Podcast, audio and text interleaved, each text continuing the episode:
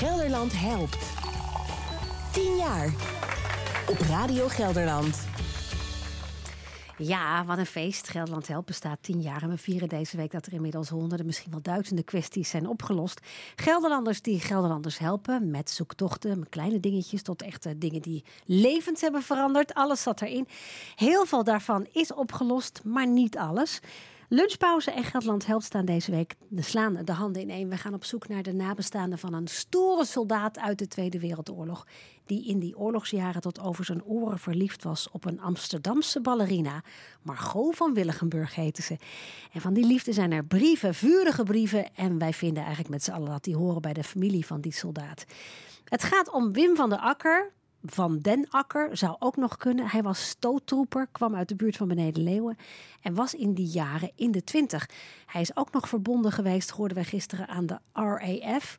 Maar verder loopt het spoor eigenlijk een beetje dood. Wie oh wie kent nabestaanden van deze Wim? Gisteren zijn we begonnen met de zoektocht. Xandra van Gelderland helpt. Is er al wat binnen?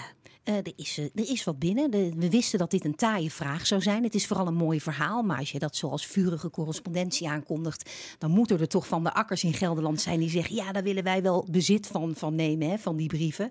Uh, ja, mensen komen nu eigenlijk met vrij praktische tips. Check het telefoonboek eens. Ja, en als je dat doet, dan kom je in Beneden en Leeuwen uit op een hele lijst met van de akkers.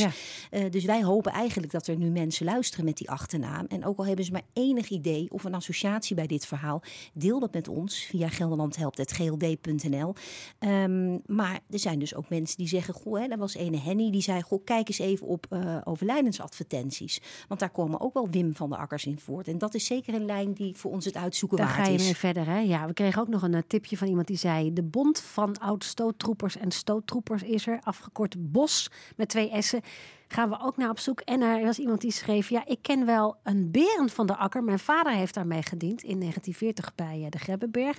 Ze werkte daar in de veldkeuken, schrijft deze Frits in ochtend. Berend kwam op een dag te laat terug van verlof, waarop de kapitein zei: Ga jij maar naar het front? Ja, echt verschrikkelijk al waar hij inderdaad is omgekomen. Zijn naam staat ook op het monument in Ochten. Ja, misschien dat die nabestaanden van Berend weer de nabestaanden van deze Wim zijn. Het zou zomaar kunnen. Want ze komen natuurlijk uit dezelfde streek en uh, dezelfde achternaam. Ook nog eventueel een leidraadje. Klopt, dit zijn ook wel de reacties die zeer welkom zijn. Als het verhaal bij mensen leeft, deel je uh, associatie. Dat is, uh, dat is op zich al echt de moeite waard. Oké. Uh, nou heb ik een gesprek gehad gisteren met de vicevoorzitter van de stichting Gesneuvelde Stoottroepers in Beneden Leeuwen. Daar is een monument, er is een ereveld waar stoottroepers uit dat gebied herdacht worden. En misschien is het goed de verbeelding van de luisteraars te prikkelen door eens terug te gaan naar ja, het najaar van 44, toen deze Wim van de Akker als stoottroeper actief werd. Toen is er een hele hoop gebeurd hier aan de Waal. Uh, Wamel is uh, door Duitse bezocht. Er zijn boerderijen in brand gestoken. Er zijn veertien mensen uh, als gijzelaars afgevoerd en doodgeschoten in Tiel. De, op 6 en 7 oktober heeft hier de dijk in Leeuwen in brand gestaan. 42 huizen door de Duitsers in brand gestoken. Kortom, het was hier echt oorlog. En uh, de mensen liepen hier echt uh, wel degelijk gevaar. En vandaar dat wij hier in Beneden Leeuwen en alle Waaldorpen, Bovenleeuwen, Wamel, Dreumel blij waren dat er, eh, dat er eigenlijk een oplossing voor kwam. In de vorm van de stoottroepen. Ja, broodnodig hè, leken ze. Dus uh, ja, het moment was wel daar. En vind je het ook niet frappant? Die data die beschrijft, die beslaan precies deze week. Ja. Waarin wij nu met elkaar ja, praten. Bizar, hè? Dat is dan ja. wel weer een aparte toevalligheid. Ja, om het toe te spitsen, uh, deze Wim van der Akker die was uh, actief als stootroeper. Er is voor de Maas en Walers, we gaan ervan uit dat hij een echte Maas en Waler was, een speciale compagnie voor opgericht. En daar vertelt deze voorzitter ook over die Mazenwaarse jongens, die van Wamel tot Reumel als verzetsmensen die dijk gingen bewaken, die wilden zich eigenlijk ook wel graag aansluiten bij die stootroepen. En het is uiteindelijk gelukt in, ik dacht november, of ja, november kregen ze uh, een officieel uh, lidmaatschap van de stootroepen.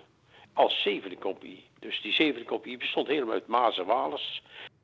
Nou is er een lijst van deze zevende ja, compagnie. Ja, zeggen, daar zal die dan misschien toch wel bij hebben gezeten. Dat was even een spannend moment inderdaad. En ja, of die erbij staat, dat horen we nu.